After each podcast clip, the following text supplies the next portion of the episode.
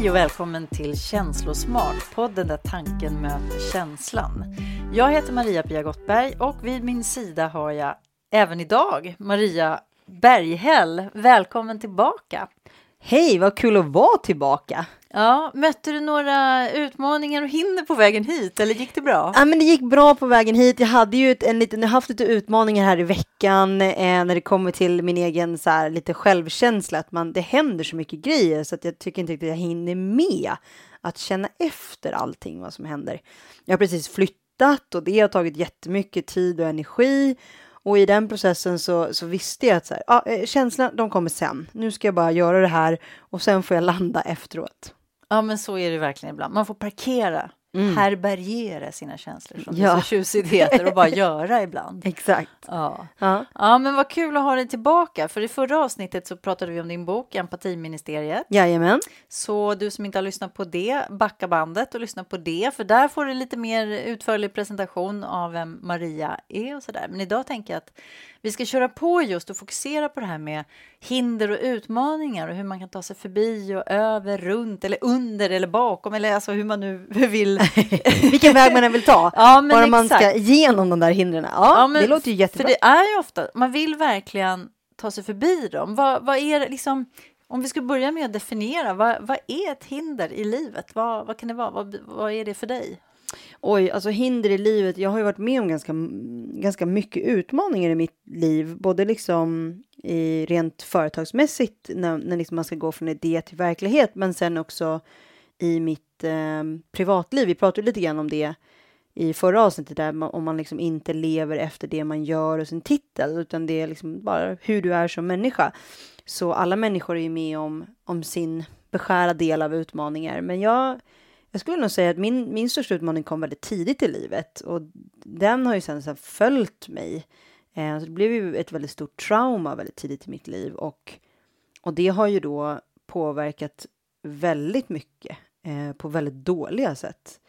Och det har ju varit ett, ett stort och tungt hinder. Sådär, sådär stort och tungt i perioder i mitt liv där jag så här att, men fan, jag, ursäkta att jag svor, men jag tar tillbaks det.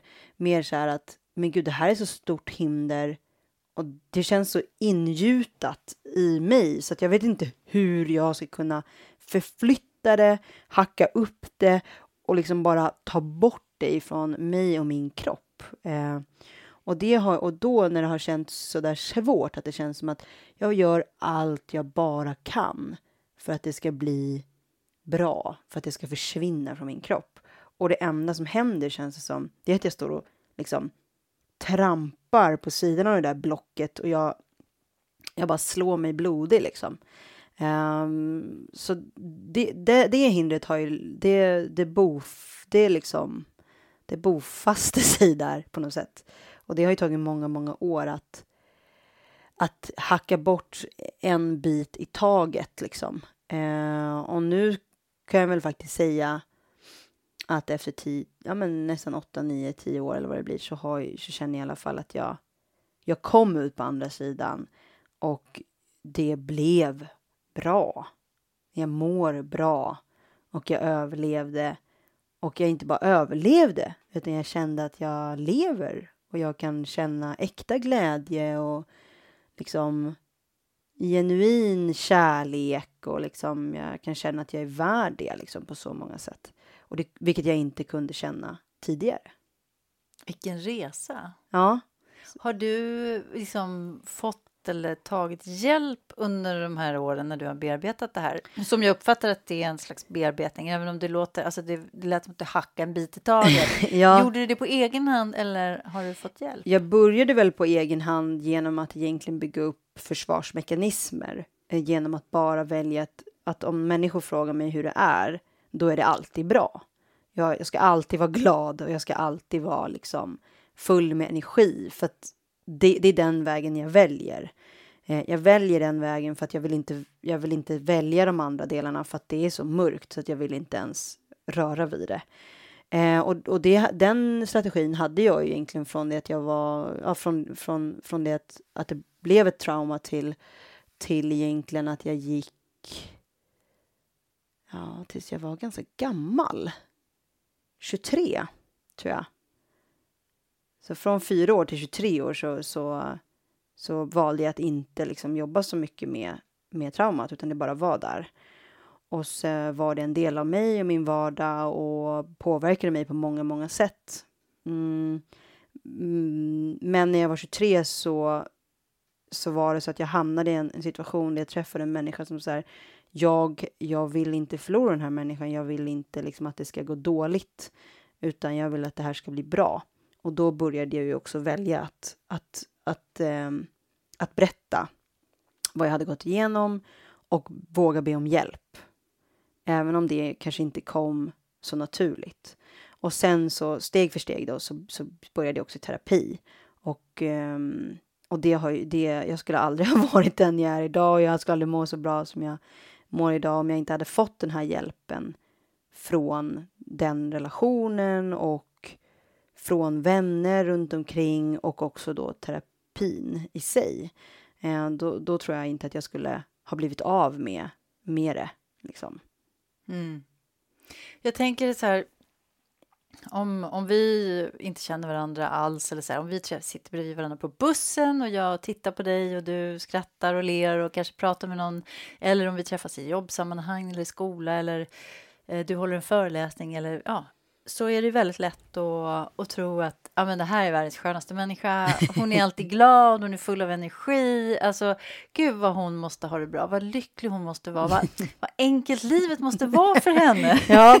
Fattar du vad jag är ute efter? Jag förstår precis. ja. Instagram-livet och personer man träffar på scen. Jo, men det har jag också hört och, jag, och det är väl det som var så läskigt där ett tag, att den människan jag liksom dels liksom, jag är ju så också. Jag, jag känner ju att jag, det är ju liksom mina absolut starka sidor. Men, men helt plötsligt så blev det också så att det blev sådana kontraster mellan den här liksom ljusa sidan eh, av mig och den här fantastiska energin och inspirationen som människor fick uppleva och den här påhittigheten, nyfikenheten, där skrattet som människor säger smittar av sig liksom på, på flera kilometers avstånd. Men kontra det, kontra med hur jag faktiskt mådde inombords.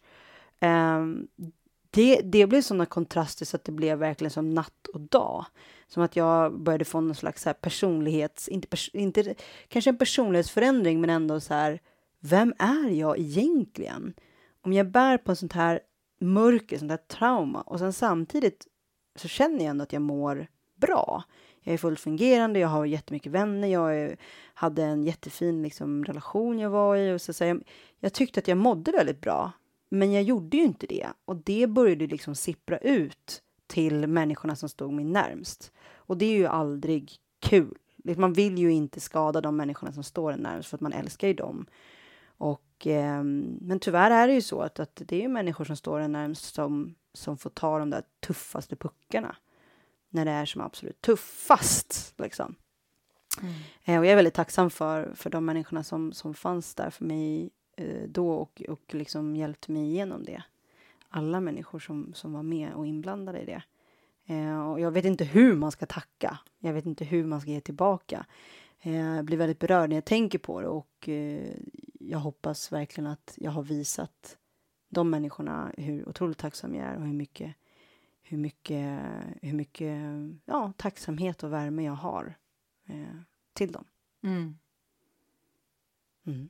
Jag blir också jätteberörd. Ja, mm. det är svårt att sätta ord på det, men mm. mycket känslor är det och eh, jag menar för vissa människor som inte tar hjälp uh, och bär på någonting väldigt tungt, då blir det ju som min terapeut sa till mig, hon bara ja men tar man inte tag i sina känslor, lär man inte känna sig själv och jobbar man inte med det här och vill bli bra, då kommer det ju liksom bli destruktivt. Eh, och det kan inte, behöver inte, behöver inte betyda att det bara blir destruktivt i relationen man är i där och då eller eh, att man att människor runt omkring en inte riktigt kan hjälpa till, för de förstår inte riktigt heller. Eh, och sen så kan det då gå ut över att människor då börjar dämpa känslor, för att det är så mycket att ta tag i så att man väljer alkohol, droger, spelmissbruk. Eh, mm, man, man, man själv förstör sig själv på olika sätt och det, det ter sig olika i olika människor. Och när min terapeut förklarade det, då kände jag så här, men gud, jag, jag är, jag är okej, jag har kontroll liksom. Men då sa hon så här, för dig är du inte liksom, du har inget, du liksom inte tagit till någon av de här grövre missbruken. Men, men du jobbar ju som en jäkla galning. Du jobbar ju så pass mycket så du hinner inte känna alla känslor. Utan du har ju valt att jobba med det som du är duktig på, det du har passion för, det du mår bra. Du har ju valt sammanhang och människor som gör att du mår väldigt, väldigt bra. Men vad händer liksom när det tystnar runt omkring dig? Vad händer när du blir själv? Eh, vad händer då? Och det var jag så här, det är jag aldrig, för att jag vill inte det. För jag orkar inte med att möta det som kommer då. Um, så, och det var ju då jag insåg att okej, okay, det är mitt typ missbruk då. Uh, om man nu ska säga så. Uh, och då började jag då uh, lägga om mitt liv eh, successivt. Det var inte bara lätt. Nej, det, nej en sån liten detalj. nej, men jag tänker så här, för du säger missbruk och det är ju verkligen därför att det ger ju ett dopaminpåslag och ett endorfinpåslag som man faktiskt kan bli beroende av. Just att vara med människor, göra roliga saker, känna att man tar sig, tar sig förbi såna här då mindre hinder mm. eh, som, som det är att, att vara entreprenör, egenföretagare liksom, ja. eller att utveckla en idé eller Aha. skriva en bok eller vad det nu är man gör så är det ett mindre hinder än det du berättar om här, det här traumat som du var ja. med om som liten. Eh, och då, då, får man ju väldigt mycket energi Precis. av det och det där kan ju bli som en drog och då kan man tycka, alltså det är klart att det är självklart är bättre än att gå ner på Plattan och köpa, liksom, köpa sina ja, droger där. Hej, hej, har ni det här? Ja, nej. Jag, nej men ändå i, i, i det långa loppet så är det att till slut så, så jag tillhör ju de som också brunnit, bränt ut mig på grund av att just varit i den här dopamin liksom, Maskinen. Maskinen, mm. ja. Som, och, och, det där pratas inte lika mycket om, att vi faktiskt kan arbeta oss liksom förbi känslor, bortom känslor, förbi, alltså att vi inte vill vara ensamma, att vi inte vill vara i stillhet och allt det här. Mm. Uh, det, det, jag tycker det är jättebra att du lyfter det, för jag tror att det är väldigt viktigt att bli påmind om det. Jag vet när jag själv föreläser och mm. berättar om våra olika liksom, stresssystemet, det här hotsystemet och sen också det här utforskande systemet som jag hör att du liksom älskar att vara i. Det är det vi pratar om. Mm. Och sen trygghetssystemet. Eh, när jag pratar om det och beskriver liksom, eh, hur lätt det är att bränna ut sig i hotsystemet och man hela tiden jämt upplever att man är i fara men sen också kommer till just den här att, att utforskande systemet med all den här sköna liksom dopaminpåslaget som man har där, att man mm. faktiskt kan bränna ut sig på det också. Alltså då mm. är det ofta, det är inte ovanligt att människor du vet, så här, får en klump i magen, börjar gråta, kommer fram efteråt och pratar om att aldrig sett på det. Att mm. det är faktiskt där, det är där jag är ute och, och mm. svajar liksom. Ja, och det, och det är som du säger att det, man får ju väldigt mycket positivt där och precis ja. som du beskriver det och eller som du det, jag håller helt med det här om att om man har någonting som är väldigt, väldigt stort, då ser de här problemen som andra människor ser som kanske ganska stora. För det har jag fått uppleva genom livet att folk bara, men hur orkar du ens med det där? Och jag är mer så här, va, vadå? Nej, men det löser man väl på en kvart eller en, en vecka liksom. Det är inga problem. Alltså det, jag har ju, det har ju varit min styrka som företagare och entreprenör nu. Också jobbar tillsammans med min eh, eh, företagspartner då, när vi började bilda bolag, att jag kastade mig ut innan vi var klara eller innan vi hade allting på, på plats. Och, och, och hon då, um, um, Sandra också, för, liksom, som också bor här ute i Österåker, var med så här, nej men vänta, vi måste ha liksom allting klart. Vi måste liksom ha bra kvalitet, vi måste ha tänkt igenom allting, vi måste ha fixat allting så att det liksom är perfekt. Då kan vi liksom säga till människor att nu kan ni börja köpa det här liksom utbildningskonceptet av oss till exempel, för att nu är vi klara. Men jag var mer så här, åh, Bra, nu har vi gjort början. Bra, då går jag ut och snackar med folk. Och så gick jag ut och snackade med folk. Och så kom jag tillbaks. Och hon bara, ja, vi var inte riktigt klara, men okej, nu har vi några kunder, okej, nu måste vi liksom paketera. Då kom liksom min panik, att när jag liksom hade kastat mig ut och kom tillbaka, då kom min panik. Alltså gud, hur ska vi in i det här? Och vad har jag gjort? Och herregud. Och då var det ju liksom Sandra som steppade in och bara, nu tar vi det lugnt, det här kommer gå jättebra, vi har ett jättebra koncept, vi har bra kvalitet, jag har tänkt på det här och jag har gjort det här. Och då liksom Helt plötsligt man bara, åh gud vad skönt, det gick ju jättebra. Och då var det ju också så att nu kompletterade ju eh, vi varandra väldigt bra i, i, i företagandet och i liksom uppbyggnaden av olika produkter och koncept. Men den känslan kan jag ju fortfarande få än, än idag. Nu jobbar inte vi ihop längre, men men då får man liksom tänka så här, oh, just det, hur var det nu? Ja, just det, det var de här känslorna som händer. Jag måste göra de här grejerna för att det ska gå bra.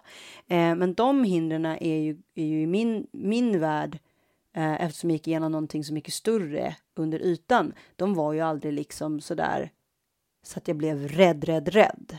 Liksom. Mm. Eh, utan det var mer så det här löser vi, det här löser vi, det här är inga Mm. problem. Och att du också fick det här påslaget, tänker jag, när du gav, satte igång någonting. Ja, så att det, så det är liksom en- redan en- igång. Det är liksom redan människor som står och väntar. Så det var så här, åh kul, nu kör vi! Eh, Mm. Så nu hade jag bara tur också att, att jag hade eh, en kollega och, som verkligen kände att, att eh, de också såg hur bra vi kompletterar varandra och att det blev bra liksom. Eh, så det är jag ju tacksam för. Ja, men verkligen. Och det, var ju det din terapeut uppmärksammade där också, att, att du omger dig bland människor som får dig att må bra och att det fun funkar så. Precis. Men det kan ju också vara precis tvärtom, att man eh, istället om man har, går och bär på någonting, några svårigheter, oavsett egentligen om det är trauma från barndomen eller någonting man har stött på senare i livet så kan det vara så att man vänder dig, att, att man går in och isolerar sig, gör sig väldigt ensam, eh, att man inte förmår ta sig ut och, och liksom elda på så. Alltså det är det jag tänker att det finns en massa olika strategier för som Gud, ja. människor har för, för sina utmaningar. Men jag tänkte också du har ju berättat för mig tidigare att, att eh, du, när du skrev boken Empatiministeriet så, så var det rätt utmanande för att du har ju dy, dyslexi. Ja, och det är en sån här utmaning som också liksom, den är, den är, den är ju väldigt, den har ju funnits alltid. Men i början med den utmaningen, då var det mer så här att jag och mamma pluggade väldigt mycket hemma och hon hjälpte mig och liksom otroligt pedagogisk mamma har jag. Så det är ju, det är ju tur att hon var så engagerad i min, i min och min brors skolgång och uppväxt och liksom så många timmar hon har tragglat med mig, alltså så mycket kärlek som hon har gett mig där. Men, men eh, om man själv typ ligger med huvudet på bordet och bara, men jag orkar inte mer. Eh, och eh, de minnena har man ju så att jag fick ju alltid läsa mer böcker på sommarlovet än alla andra.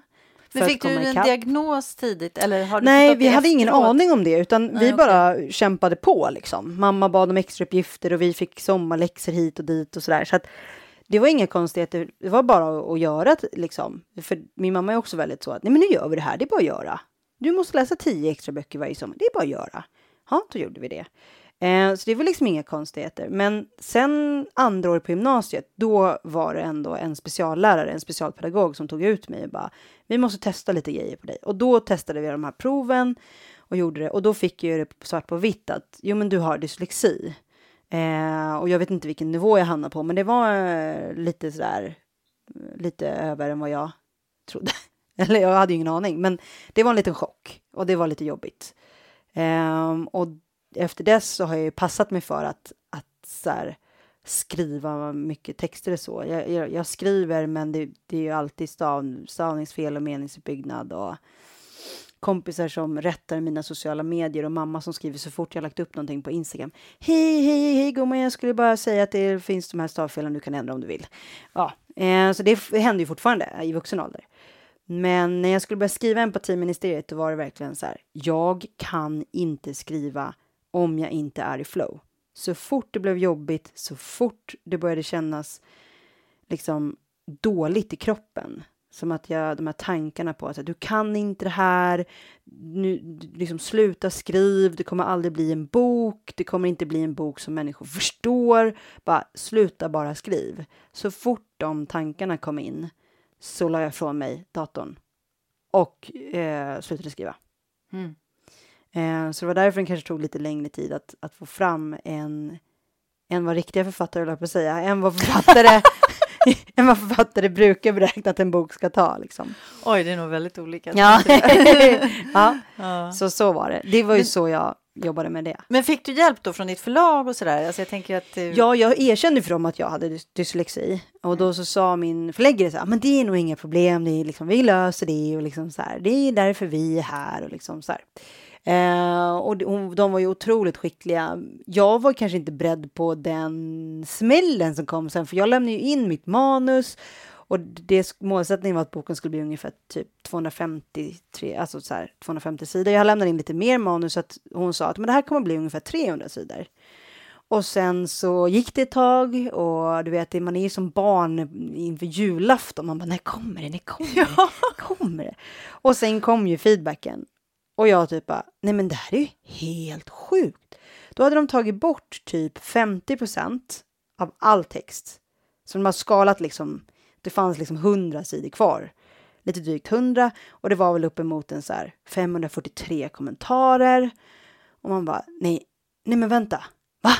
Och så tittar jag igen och så bara, det här är helt sjukt, det här går inte. Och då blev jag ju helt så här matt. Kroppen bara var, all energi försvann, allt självförtroende, en hel del av min självkänsla tog sig en törn och eh, jag kände bara så här, nej, jag ger upp nu. Jag ger upp. Jag skriver inte ett ord till liksom. Och sen så skriver jag med min förläggare och hon bara, jo, men kom igen med det, det här är jättebra. Det finns liksom, det liksom hela boken är bra, men det finns liksom, vi måste bara städa till den och det finns extremt bra guldkorn här liksom. Vi ska bara se till så att det blir liksom en skattkista, en full skattkista. Eh, så skriv, skriv. Och jag typ bara, nej, det här kommer aldrig gå. Och sen så körde jag då på samma taktik då. Att så här, jag, tror inte att, jag tror inte att de förstår hur mycket energi det går åt för en dyslektiker att skriva om 200 sidor. Eller typ hitta på mer material. Där man tycker att så här, jag har läst och läst och läst och gjort, gjort efterforskningar. Jag har aldrig läst så mycket böcker i hela mitt liv. Och jag har aldrig liksom varit så nyfiken tidigare så här. Och, eh, och sen fått ut så mycket information och tankar ur mig själv. Så här, tio års föreläsningar liksom. Så jag bara, jag, jag förstår inte hur det här ska gå till. Och sen när jag hade skrivit, skrivit och skrivit om och lagt till och skrivit om och lagt till och har typ det sista mötet med förlaget inne på deras kontor och vi ska gå igenom lite små grejer. Alltså, jag grät. Jag sitter som en vuxen kvinna och gråter och min förläggare tittar på mig och inser att hon ställde en fråga för mycket. Ja. och så stänger locket lite försiktigt så här. Bara titta på mig. Men Maria, vet du vad? Vi gör så här istället. Och så stänger hon mitt lock på min dator. Och så, så säger hon titta på mig. Och så tittar jag på henne. Så, så. Och så lyssnar du på mig. Och så lyssnar jag på henne. Och så sa hon om du skulle svara på frågan muntligt. Vad skulle du svara då? Och då helt plötsligt så är det så här. Jag bara, ja men då skulle jag svara blupp, blupp, blupp, blupp, blupp, blupp, blupp, blupp, blupp, blupp, blupp. Då bara rann, Och då rann det ur Ja. mig. Hon bara, ja, där har du ett helt nytt kapitel. Skriv ner det du sa typ. Eh, så läser vi liksom, liksom meningsuppbyggnaden sen om det skulle vara så. Eh, och då insåg jag att så här, okej, det, det, jag har det i mig liksom. Det är bara ett så stor blockering att gå från tanke till liksom nedskrivna bokstäver liksom. Ja, vilken jäkla utmaning! Och att du ändå tog dig liksom över det där. För jag bara såg det här mm, gigantiska hindret som reste sig där när förlaget kom med den här liksom, återkopplingen till dig där. Ja usch, det var inte de visste roligt. inte själva vad de gjorde tror jag. Nej. Nej. Nej, Nej, å andra sidan kan man säga, ja, hur ska de kunna veta det? För det är verkligen svårt att veta vad som är blir ett riktigt hinder för någon annan. Absolut. Men eh, du är också eh, ambassadör för en organisation. Vill du berätta lite om den? Ja, jag är, jag är ambassadör för eh, ehm, eh, prins eh, Carl Philip och, Sof och eh, Sofias eh, stiftelse som, eh, som har två hjärtefrågor. Eh, en fråga om hur man beter sig på nätet kring näthat och en som är just en eh, om dyslexi eftersom eh, Som heter... som heter dyslex. De, de har bytt nu, men de hette Dyslexialand. Ah, hette det så, eller heter det så nu? Ja, jag, Ja. eh, jag, måste, jag måste kolla. De har, de har flyttat över det i alla fall. På Instagram så kan man följa Prinsstiftelsen. Eh, prins Carl Philips eh, och Sofias Prinsstiftelse. Och läsa mer. Men där dyker jag upp som en ambassadör då för barn och unga. Eh, där vi pratar om eh, dyslexin. ehm, och att vi också visar på då att det finns så mycket styrkor med att, med att ha dyslexi. Oftast är man mer kreativ, nyfiken och en problemlösare. Och det känner jag mig verkligen igen. i. Ja, men det känns som att det är du personifierar. Ja. Eh, så då pratar vi om det och, och det finns lite videos där man kan kolla också. Men då pratar vi väldigt mycket om då kopplat till företagandet och entreprenörskapet. Att man kan använda sin kreativitet dit. Mm. Eh, och sen så eh, nu på sista tiden har jag då också eh, blivit programledare för eh, Föräldraföreningen FDBs eh, dyslexipodd som är Sveriges största podcast för dyslektiker eh, som heter Dyssepodden. Som är super, super roligt att få få liksom eh, intervjua människor och få höra deras stories och just inom det här ämnet då. Men så härligt just, för då tänker jag att eh, då, de du tar dit och intervjuar är, är ju, kan vara, ju fungera, fungera som förebilder. För det är väldigt lätt hänt att tro att nej, men jag kan aldrig skriva en bok, jag kommer aldrig kunna uppnå den där karriärdrömmen om man har dyslexi eller någon annan, något annat hinder i form av någon funktionsvariation eller någonting som, som gör att det blir lite mer utmanande på olika sätt. Ja, och Vad oftast... coolt med en podd. Alltså det är Ja. också så här, man behöver inte läsa utan man kan lyssna. Ja, det är så bra. Det blir inte så mycket bokstäver, så det är superbra. Ja. Och framför allt så tycker jag att det är kul för att man, jag känner igen mig mycket. Jag intervjuade två eh, ungdomar, eh, en på 13 och en på 14 år här i somras. Eh, Alice och Daniel, de hade varit på läger med andra dyslektiker och eh, då helt plötsligt får man ju också ett sammanhang där man liksom kan se så här, okej, men det var inte bara jag. Och att man liksom kanske kan landa lite mer i de känslorna man, man, liksom man får när man får höra att, att man har dyslexi. Ehm, och för vissa är det väldigt jobbigt, för man vill inte kanske ha det. Och eh, jag själv då som är vuxen som missade lite av de här förebilderna och liksom samtalen när jag kanske faktiskt behövde dem som mest. Jag valde ju mer att bara så här, återigen, typ trycka undan det och låtsas som ingenting. Eh, och nu när jag är vuxen och liksom mer erkänt det och senaste gästen i, senaste gästen i Dyssepodden var Simon Sköld eh, och han är ju tillsammans med en, en författare. En, en riktig författare kanske man kan säga, eh, om man jämför med mig. Eh, men han, han är ju gift och, med Camilla Läckberg och då sa ju han det att så här, Alltså jag skriver ju också böcker och liksom, han hade skrivit böcker då, men hans böcker var mer upplevelsebaserade. Och sen berättade han hur han läser och hur han skriver. Och jag kände verkligen igen mig i honom att så här, gud, det är verkligen så för dyslektiker när man läser eller skriver. Och jag kan bara tänka mig då honom som är gift med en, en, en skicklig författare, liksom, de läser ju böcker på helt olika sätt. Men vad är det som skiljer dem, menar du? Vad, hur, hur läser en dyslektiker Ja, en bok? det är, jag skämtade lite om det och sa så här, om du, om du skulle dra ihop ett gäng dyslektiker och en bokcirkel och sen drar du ihop ett gäng personer som inte har dyslexi så, och så läser vi vi gäng. Du drar ihop några polare som läser den här boken och jag drar ihop ett gäng kompisar som läser samma bok. Så skulle vi liksom samlas och diskutera den här boken. Då lovar jag att, eh, eh att dina vänner eh, skulle bara säga, ja ah, men så händer det här och här. Och du Maria Pia skulle säkert säga, ja ah, men och så händer det ju det här i det här kapitlet. Och då skulle vi då, dyslektiker, bara, va? Hände det verkligen? Och bara så här börja bläddra i boken och bara, jag hittar inte det. Vart är det någonstans? Eh, så vi missar ju liksom väldigt viktiga detaljer i böcker för att antingen så har man så att man liksom man tror att man har läst hela sidan. För, för det, det, är det, eh, det är det man gör. Man, I min värld så har jag läst, läst den här sidan, jag har förstått vad det står.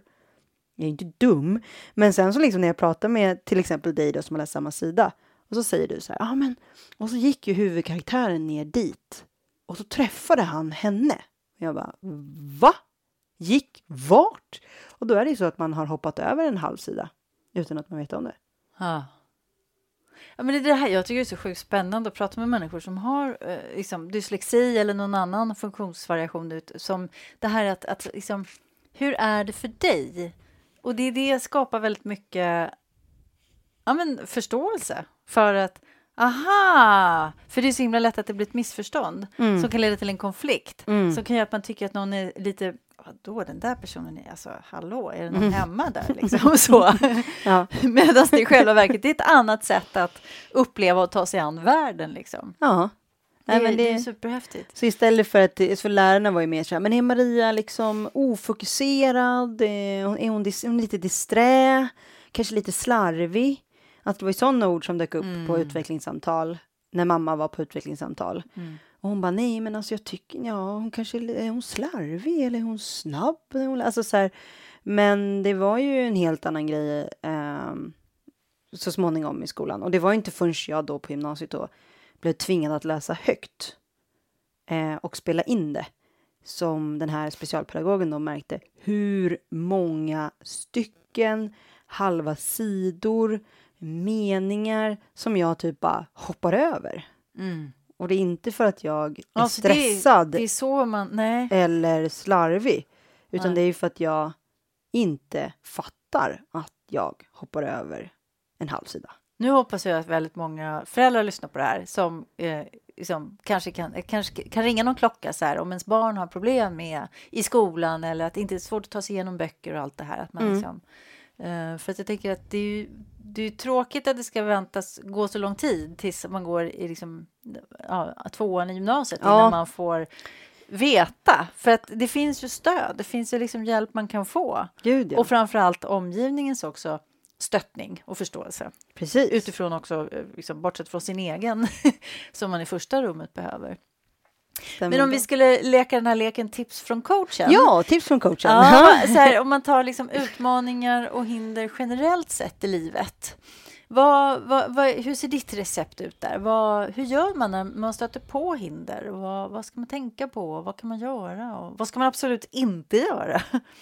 Ja, men då säger jag nog rent spontant, men ändå med lite eftertänksamhet att ett, våga erkänna vad du behöver hjälp med.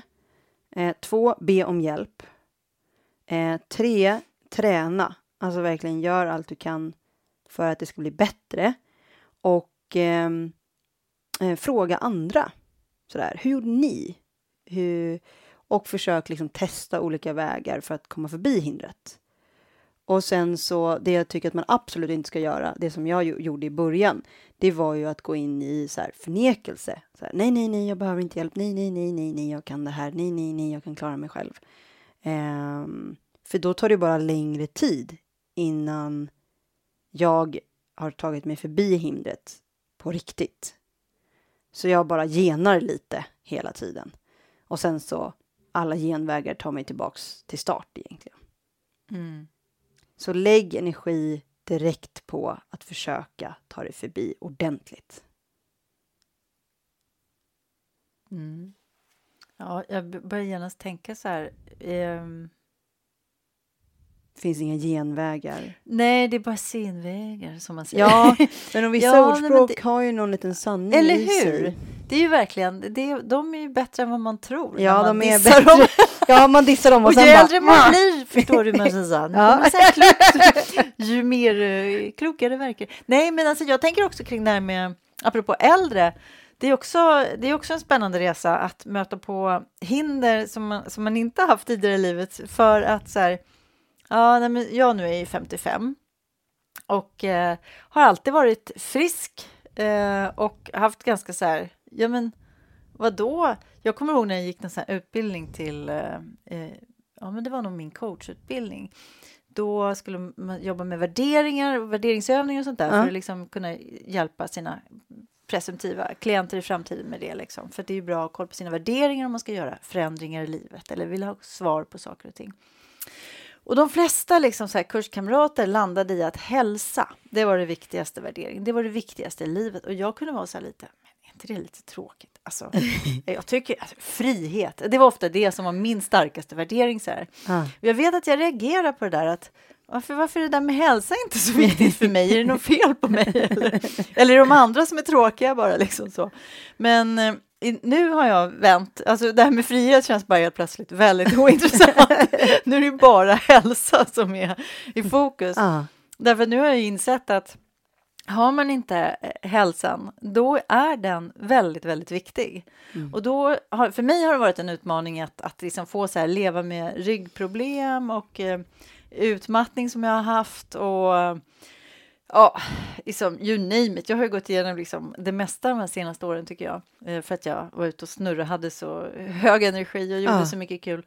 Eh, men då tappade jag tråden. Nej, men det Eh, gör inget. Man blir ju lite hjärnslö också. Ja, ja men, eh, men att, att eh, som du säger där, att om man, om man gör väldigt mycket under en lång tid, men det är allt väldigt intensivt och precis som du menade på där, att kanske skiftningen med att man värderar olika saker i olika delar av livet. Ja, men precis. Och att, att det är en resa att göra och att kunna alltså, leva med det och att gå från att vara liksom högfungerande, högpresterande, eh, inte se Alltså hinder har jag haft i livet. Jösses, absolut. Det är inte så Mm. att jag bara glassat omkring på någon räkmacka. Absolut inte. Jag har liksom eh, på insidan eh, haft mycket så här hinder och utmaningar. Men jobbat mig igenom det. Men sen när det förflyttades så blev liksom fysiska hinder. Att i kroppen, liksom, jag har ju fått så här infektioner och virus och grejer i kroppen som, som ställer till det. Som, som Mm. har gjort att jag blivit sjuk. Och jag Eh, Medan jag har trott att ja, men det är för att jag har jobbat för mycket. Vilken idiot jag har varit. Ja, men du vet, så har jag Ja. anklagat mig själv när det i själva verket kanske har berott väldigt mycket på virus och bakterier också. Men det är också ett sätt att, att, som jag tror att de flesta av oss möter förr eller senare i livet, att man inte kan prestera, leverera, eh, orka vara den där personen som man har varit förut. Nej. Det är också en, en form skiftningar av liksom. skiftningar Ja. som... Så, så jag tänker så här att det här med att tidigt, som du säger, acceptera och, och liksom, istället för att fly och att också be om hjälp Mm. och träna Mm. eh, och verkligen så här, titta på andra, också förebilder, hur har andra gjort? Mm. Därför att man är inte ensam i den här processen. Det Nej. tror jag är liksom... Det tror jag är någon form av nyckel eller kärna i Mm. att, att det är många människor som kanske behöver liksom bara komma i underfund med det och så snabbt, så snabbt, alltså så fortare man gör det desto bättre, tror jag. För jag tror den där ensamheten, den där känslan av att jag gör det här själv eller jag går igenom det här själv eller det är bara jag. Det är lite så här, det är lite farligt att tänka också, tänker jag. Att man, Mm. man kanske sätter sig i någon form av offerroll som kan sitta ganska länge om, om det ter sig illa. Mm. Ja, men precis. Och man kan vara ganska säker på att det jag går igenom, det har någon annan gått igenom eller går någon annan igenom. Alltså vi människor är ju, även om vi kan se lite olika ut på ytan och ha lite olika grejer för oss i livet, men vi är ändå ganska lika på insidan. Det är vi, Faktiskt. väldigt lika. Ja, och det är rätt skönt. Jag, jag försöker tänka på det och jobba mycket med det här med självmedkänsla. Just utifrån att ja, träna mig själv verkligen på att ha det som en... Att komma snabbare dit Mm, eh, genom att träna på det när jag mår bra. mm, För att sen när jag mår dåligt av antingen av något fysiskt eller något mer så här känslomässigt, psykiskt eller relationsmässigt, då är det mycket lättare om jag har tränat på det när jag mår bra. precis. Så, här, så att jag, Mm. nej men, ja, var, var snäll mot sig själv. Mm. Ja, men väldigt bra grej. Var snäll mot sig själv. Det är en bra, en bra grej. Ja, Vilka lärdomar. vilka lärdomar. Ja, eh, men har du, några, har du några hinder så här, och utmaningar som ligger framför dig nu så där, som du känner att ja, men här är lite grann att klättra över? Och, Just nu känns mitt liv väldigt eh, tryggt eh, och stabilt. Och jag, jag bor faktiskt hemma hos min mamma nu i pandemin. Eh, för att jag, är, eh, jag ska ta, ta ett till kliv i livet att liksom eh, flytta. Så jag väntar på ett nytt boende. Då. Eh, och jag måste säga att det är en fantastisk tid att få den lyxen att få lära känna min, min mamma igen i det skedet, skedet hon är i sitt liv. Och att hon och jag delar vardag. Och att det går bättre än vad jag trodde. Och det, vi säger det båda två så här varje dag nästan. Men du, men det här gick ju bättre än vad jag trodde, säger mamma. Och då säger jag, ja, jag håller med. Jag var liksom beredd på ganska mycket konflikter, att vi är två helt olika individer, att vi gör olika, olika alltså att vi diskar. Mamma har ingen diskmaskin hemma, så att vi, vi diskar liksom. Och att hon vill sätta glasen och tallrikarna på ett visst sätt och jag gör inte alls så. Eh, Hon är mer ordningsam och strukturerad och jag är inte alls så. Jag är mer spontan och liksom så här, det händer grejer runt omkring mig hela tiden och mamma är mer så här, hon har koll liksom. Ja. Ja, men, och helt plötsligt så inser vi båda två att det här som vi trodde skulle bli lite jobbigt och bli lite hinder i vardagen går så smidigt så. underbart. Det är så underbart och jag jag insett att eh, jag vill verkligen ta vara på den här tiden för att eh, jag älskar henne så mycket och man har ju inte sina föräldrar här jämt och jag är så tacksam för att jag får den här tiden med henne när jag nu börjar jag nästan gråta, men när jag är i den fasen i mitt liv som jag är. Mm. Jag hade kunnat fått barn tidigare. Jag är 34, jag har inte fått barn än. Men, men liksom jag har, i hjärtat har jag liksom två extra barn.